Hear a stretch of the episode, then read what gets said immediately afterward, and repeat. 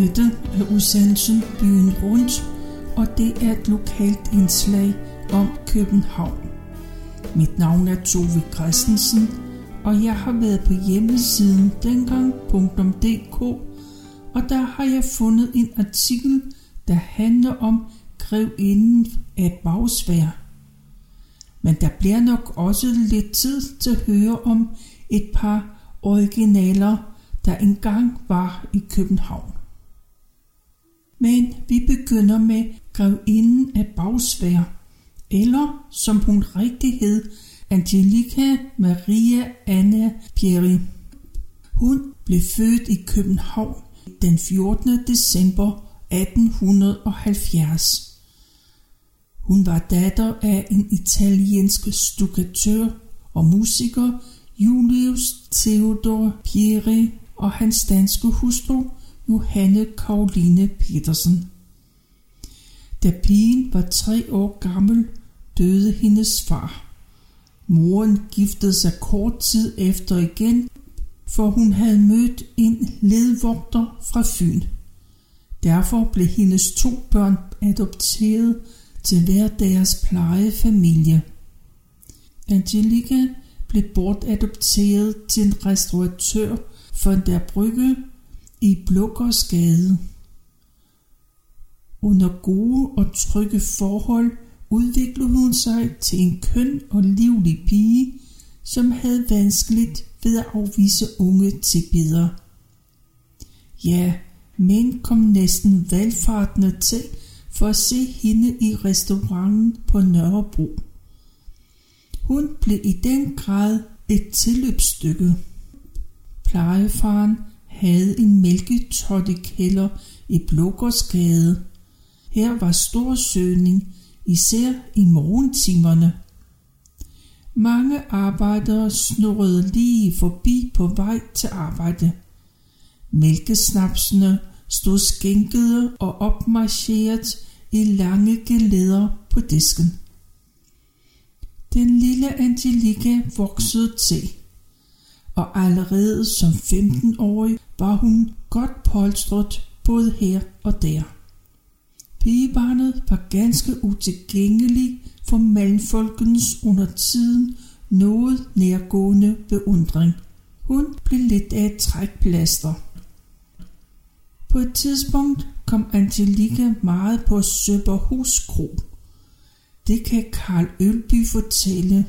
Han var opvokset i Budinge, hvor han var karl på den store proprietærgård med lyst, hvor gårdens tre kale startede klokken 3 om morgenen. Og når Karl skulle more sig, så foregik det på Søberhus Kro. Her dansede han blandt andet med Angelica. Han fortæller, at hun drak whisky som postevand. Plejeforældrene mente, at det var sundt for hende at tilbringe et stykke tid på landet. De besluttede at sende hende til en jysk præstegård for at lære husholdning. De vidste da ikke, at hun i mellemtiden havde forlovet sig med den unge grev Karl Valdemar Bonnek. Deres forhold havde fået følger, og det lykkedes at holde det skjult for hendes forældre. Efter i al hemmelighed at have født datteren Stella og fået sat hende i pleje, så rejste hun til Jylland. På grund af sin skønhed og livlighed blev hun meget afholdt af præstefamilien. Hun lærte også en ung, velhavende fabrikantsøn fra Kolding at kende. Men da hans familie modsatte sig et ægteskab med hende, og han for at tilfredsstille hendes trang til luksus, lånte af kassen i sin fars fabrik, fik han det valg, at enten blev han anmeldt til politiet, eller gifte sig med Angelica og rejse til Sydafrika. Og han valgte det sidste. I de fremmede kølnedes forholdet, og i 1894 blev ægteskabet opløst. Allerede da havde den unge frue i nogen tid været barnepige i en fornem restaurant i Johannesborg. Her traf hun en dag den hovedrige hollandske diamanthandler Adolf Goth. Han var hårdt angrebet af tuberkulose. Han tilbød at sikre hendes fremtid, hvis hun ville gifte sig med ham. Hun skulle bare sørge for ham de sidste par år, han havde tilbage. Angelica indvilligede, og kort efter brylluppet rejste hun til København og hentede sin datter. Derefter bosatte de sig i London. De levede et mondænt og øsset liv rundt i verden. I London havde de et palæ med 40 værelser og 15 tjenestefolk. Her levede de i uanet luksus. Hun blev en god og omsorgsfuld hustru og arvede efter hans død for uden deres hus med alle dens kunstskatte en formue svarende til 7 millioner kroner i datidens penge. I dag ville de måske have en værdi af 400 millioner kroner. Hun sad hos ham den dag, da døden indtrådte i Manor House i London i 1897. Jo, hun arvede skam også en ægte Rembrandt. Som rig enke vendte hun tilbage til København. Her samlede hun sig et hof af unge mænd, der sværmede omkring hende. Hun forlovede sig med en ung Anders Bakke, som blev Gyllendags senere direktør. En dag kom de på en tur til Bagsvær, og her forelskede hun sig i Aldersvile. Efter noget besvær lykkedes det hende at erhverve det smukke landsted, som hun istandsatte og møblerede med sine ting fra London. I mellemtiden var forlovelsen med Anders Bakke sat over styr. I stedet for trøstede hun sig med hendes første kærlighed, Grev Sponik, og med hvem hun blev gift med i 1901. Hermed fik hun titlen Grevinde. Datteren, der en tid havde været i pleje i Blokkersgade, blev hentet til Bagsvær.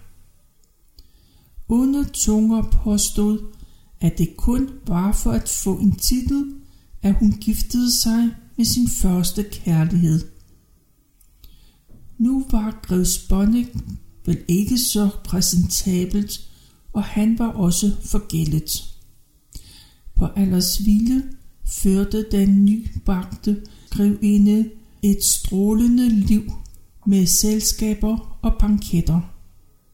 Hendes mands jævne og bramfri optræden passede hende ikke i længden. Hun lod sig skille og flyttede tilbage til London. Med årene blev hun ret ekscentrisk og strøede om sig med penge. Og så lejede hun for en stor sum penge kongelogen i teatret, hvilket man gør, hvis kongefamilien ikke senest tre timer før en forestilling tilkendegivet, at de kommer. Det lykkedes også for grevinden af Bagsvær at få adgang til Londons fornemme kredse. I et selskab traf hun en velhavende kunsthandler, Gustav Meyer, som hun snart giftede sig med. Denne satte hende i forbindelse med navne som Mark Twain, Drachmann og Hermann Bang.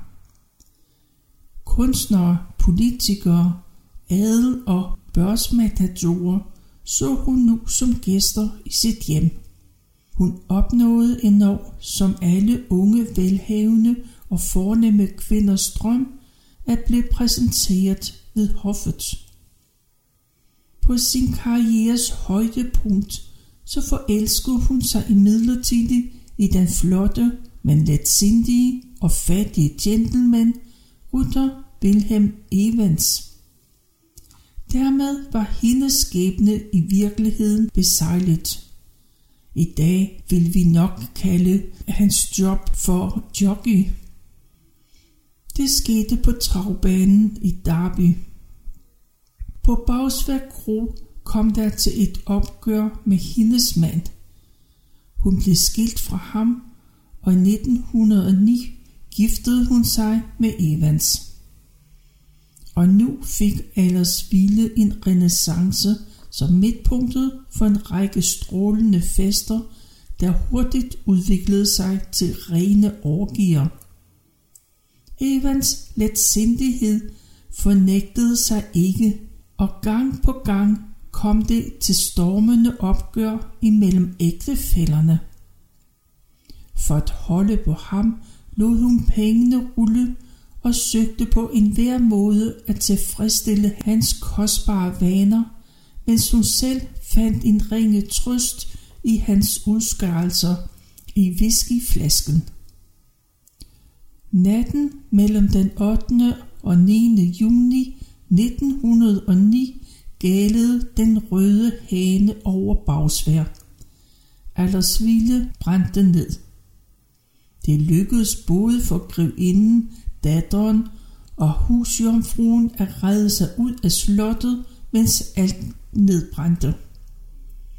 Der er en teori om, at branden faktisk var påsat af en utilfreds arbejder, eventuelt en håndlanger for en anden.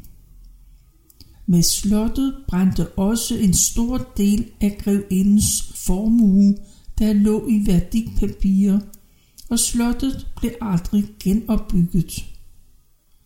Hendes store formue var næsten opbrugt. Det betød, at Evans interesse for hende hurtigt kølnedes. Ægteparret og datteren flyttede ind i partnerboligen. Men datteren flygtede efter et nyt skænderi imellem hendes mor og Evans. Han var søn af Lord Evans efter grevskabet Davenil i Skotland. På et tidspunkt havde hun kun assurancesummen på 500.000 kroner tilbage. Han lod hende indlægge under en af hendes hyppige raserianfald. Og det skete som sindssyg på kommunehospitalets 6. afdeling. Ret hurtigt blev det opklaret, at hun intet fejlede.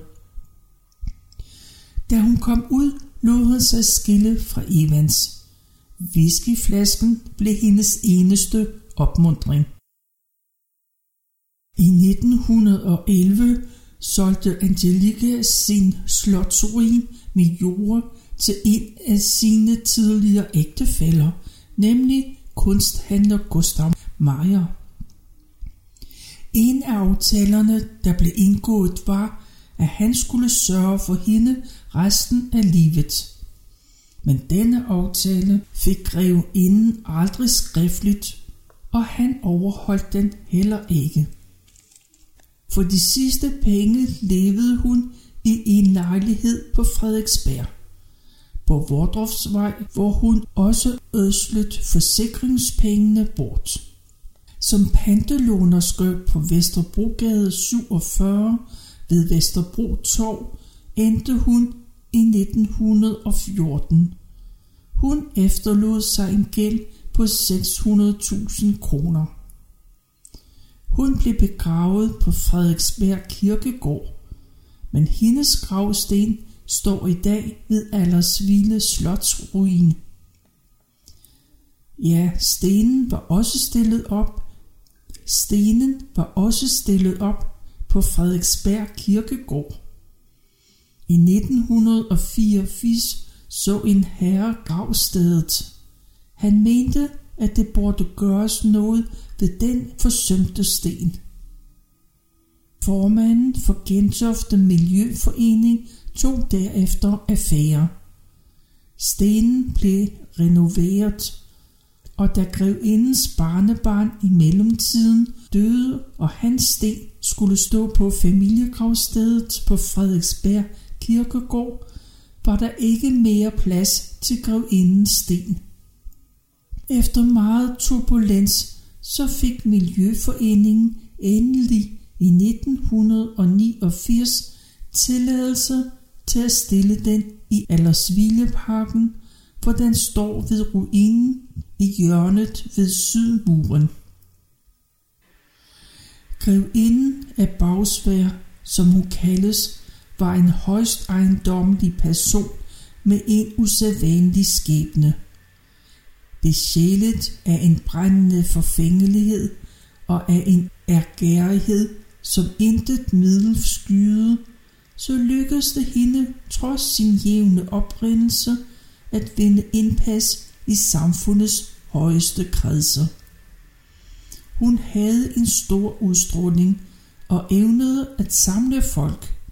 Hun var vældigt overalt. Hun forstod at leve livet, men hun brændte sit lys i begge ender. Man kan vist nok kalde hende for øssel og ufornuftig. Men hun beskrives også som elskværdig og hjælpsom. Hun havde svært ved at sige nej til nogen. Måske var det hendes sydlandske blod, der prægede hendes voldsomme livsforslugenhed. Hun nåede at indgå fem ægteskaber, inden hun en juni morgen som 43-årig tog sit eget liv. Hun blandede gift i sin whisky. Efterhånden som hendes uheldige tilbøjeligheder med årene blev mere åbenbare, samtidig med at hendes formue svandt ind, så mistede hun sin fornemme omgangskreds. Da hun ikke længere var stadens glade midtpunkt, havde livet ingen tiltrækning for hende, og hun forsumpede hurtigt. Det må da ikke på den baggrund glemmes, at hun i sin velmagtsdage tit og ofte rakte en hjælpende hånd til dem, som samfundet havde behandlet ilde. Men hun var et ekscentrisk menneske, og må ikke mange i dag betragter hende som en original. Men hun er nok den eneste af dem, der opnåede både titel og gods. Og hvad blev der i grunden af datteren Stella? Hun døde som 90-årig, og hendes bror Alfons endte i USA som en kendt og afholdt læge. Og så skal vi lige kigge på Allersvile Slot, som Angelica købte i år 1900. Det er et slotslignende landsted ved Bagsværsø. Det blev opført i 1782, hvor læge Theodor de Holmskjold, der var adeligt året for inden. Bygningen var præget af tidens klassicisme med hvide mure, vinduerne i rolig rytme hen over facaden og kraftigt betonet gesims. Taget var skrånende ned mod gavlene og havde blåglaseret teglsten.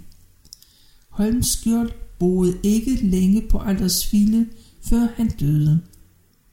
Da man gjorde bordet op, opdagede myndighederne, at han var stærkt forgældet.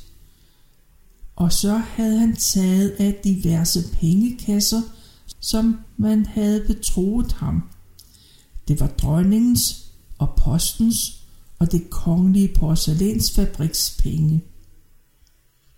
Landstedet blev derfor afhændet, og næste ejer blev grev Ribbing, som var blevet landsforvist fra Sverige efter at have været involveret i mordet på Gustav den 3. Det var i 1794, at han købte slottet. Han boede der indtil 1894, og han var forelsket i lenskrivinde Jolene fra Frederiksdal Slot. Hun var enke. men hun afviste ham. Man skulle jo ikke gifte sig med en næsten kongemorder. Skuffet rejste Ribin videre til Paris. Som allerede nævnt nedbrændte slottet i 1909 og står nu som aldersvile Slotsruin. Gladsaxe Kommune overtog ruinen og den restaurerede del af parken i 1927. I 74 blev ruinen fredet, og i 76 overtog kommunen jordene ved de sekundære bygninger. Og sådan slutter artiklen om grevinden af Bagsvær og Allersvile Slot. Vi har lidt tid, og vi kan nå at høre om Hammerjunker de Bruch. Hans virkelige navn var Arbo Maler. Han var altid oplagt til grove løjer. I sit væsen var han også kynisk. Sit daglige brød fik han ved nærmest det, man kalder plattenslageri. Af ydre var han heller ikke særligt tiltalende. Hans matte øjne var resultat af natlig svir. En sen aften kom han gennem Peder Wittfelds stræde, da han fra et af husene hørte dansemusik. Det var en velhavende murmester, der fejrede familiefest. Maler fik pludselig lyst til at afslutte den muntre aften med en dans. Maler og hans ven blev dog hurtigt sat på porten af murmesteren. Han forsøgte hele tiden at indynde sig hos folk ved at fortælle, at han var kammerjunker på halv gage. I 1842 udgav han Gov og Dyrehavsblad, som han skrev i et telt på Dyrehavsbakken. Bladet udkom med 10 numre. Så rejste kammerjunkeren til Bornholm til slægtninge. Her blev han redaktør af Bornholms avartissement tidene. Han blev arresteret for at udbrede falske bankosedler og sætte dem i omløb. Men man kunne også men man kunne ikke bevise noget. Efter et par års forløb blev han frikendt. Men alt det betød, at han ikke mere kunne opholde sig på Bornholm. Hurtigt gik det ned ad bakke for ham, både fysisk og åndeligt. Da han engang i denne tilstand var i det kongelige teater, der forsøgte han at, at tiltvinge sig adgang til Christian den 8. for at opnå en stilling ved hoffet. Der blev han som sindssyg indlagt på Sankt Hans Hospital, og der afgik han ved døden i 1846. Og så er der forfatteren Jørgen Jørgensen Jumtung. På grund af sin begævelse og indsigt i tidens spørgsmål formåede han i Norge at vække Christian den 8. interesse. Men han overvurderede sin egen betydning i en uhyggelig grad, kom han efter kongens død i 1848 til at sande det gamle ord, at en profet aldrig er agtet i sit eget land. Han er født i 1791 i Maribo. Hans far var væver og skatteopkræver. Selv blev han også uddannet som væver. Hans far gav ham et hus, da han nedsatte sig som mester. Men hans pige svigtede ham, derfor fik han arbejde i København. Samtidig læste han jura og latin for at blive jurist. Trods økonomiske problemer, så lykkedes det ham at få eksamen, og så nedsatte han sig som jurist i sin fødeby. Men en uheldig sag tvang ham igen til København. Han skrev digte i tusindvis og juridiske artikler i Københavnerposten. Han begyndte også at udgive blade.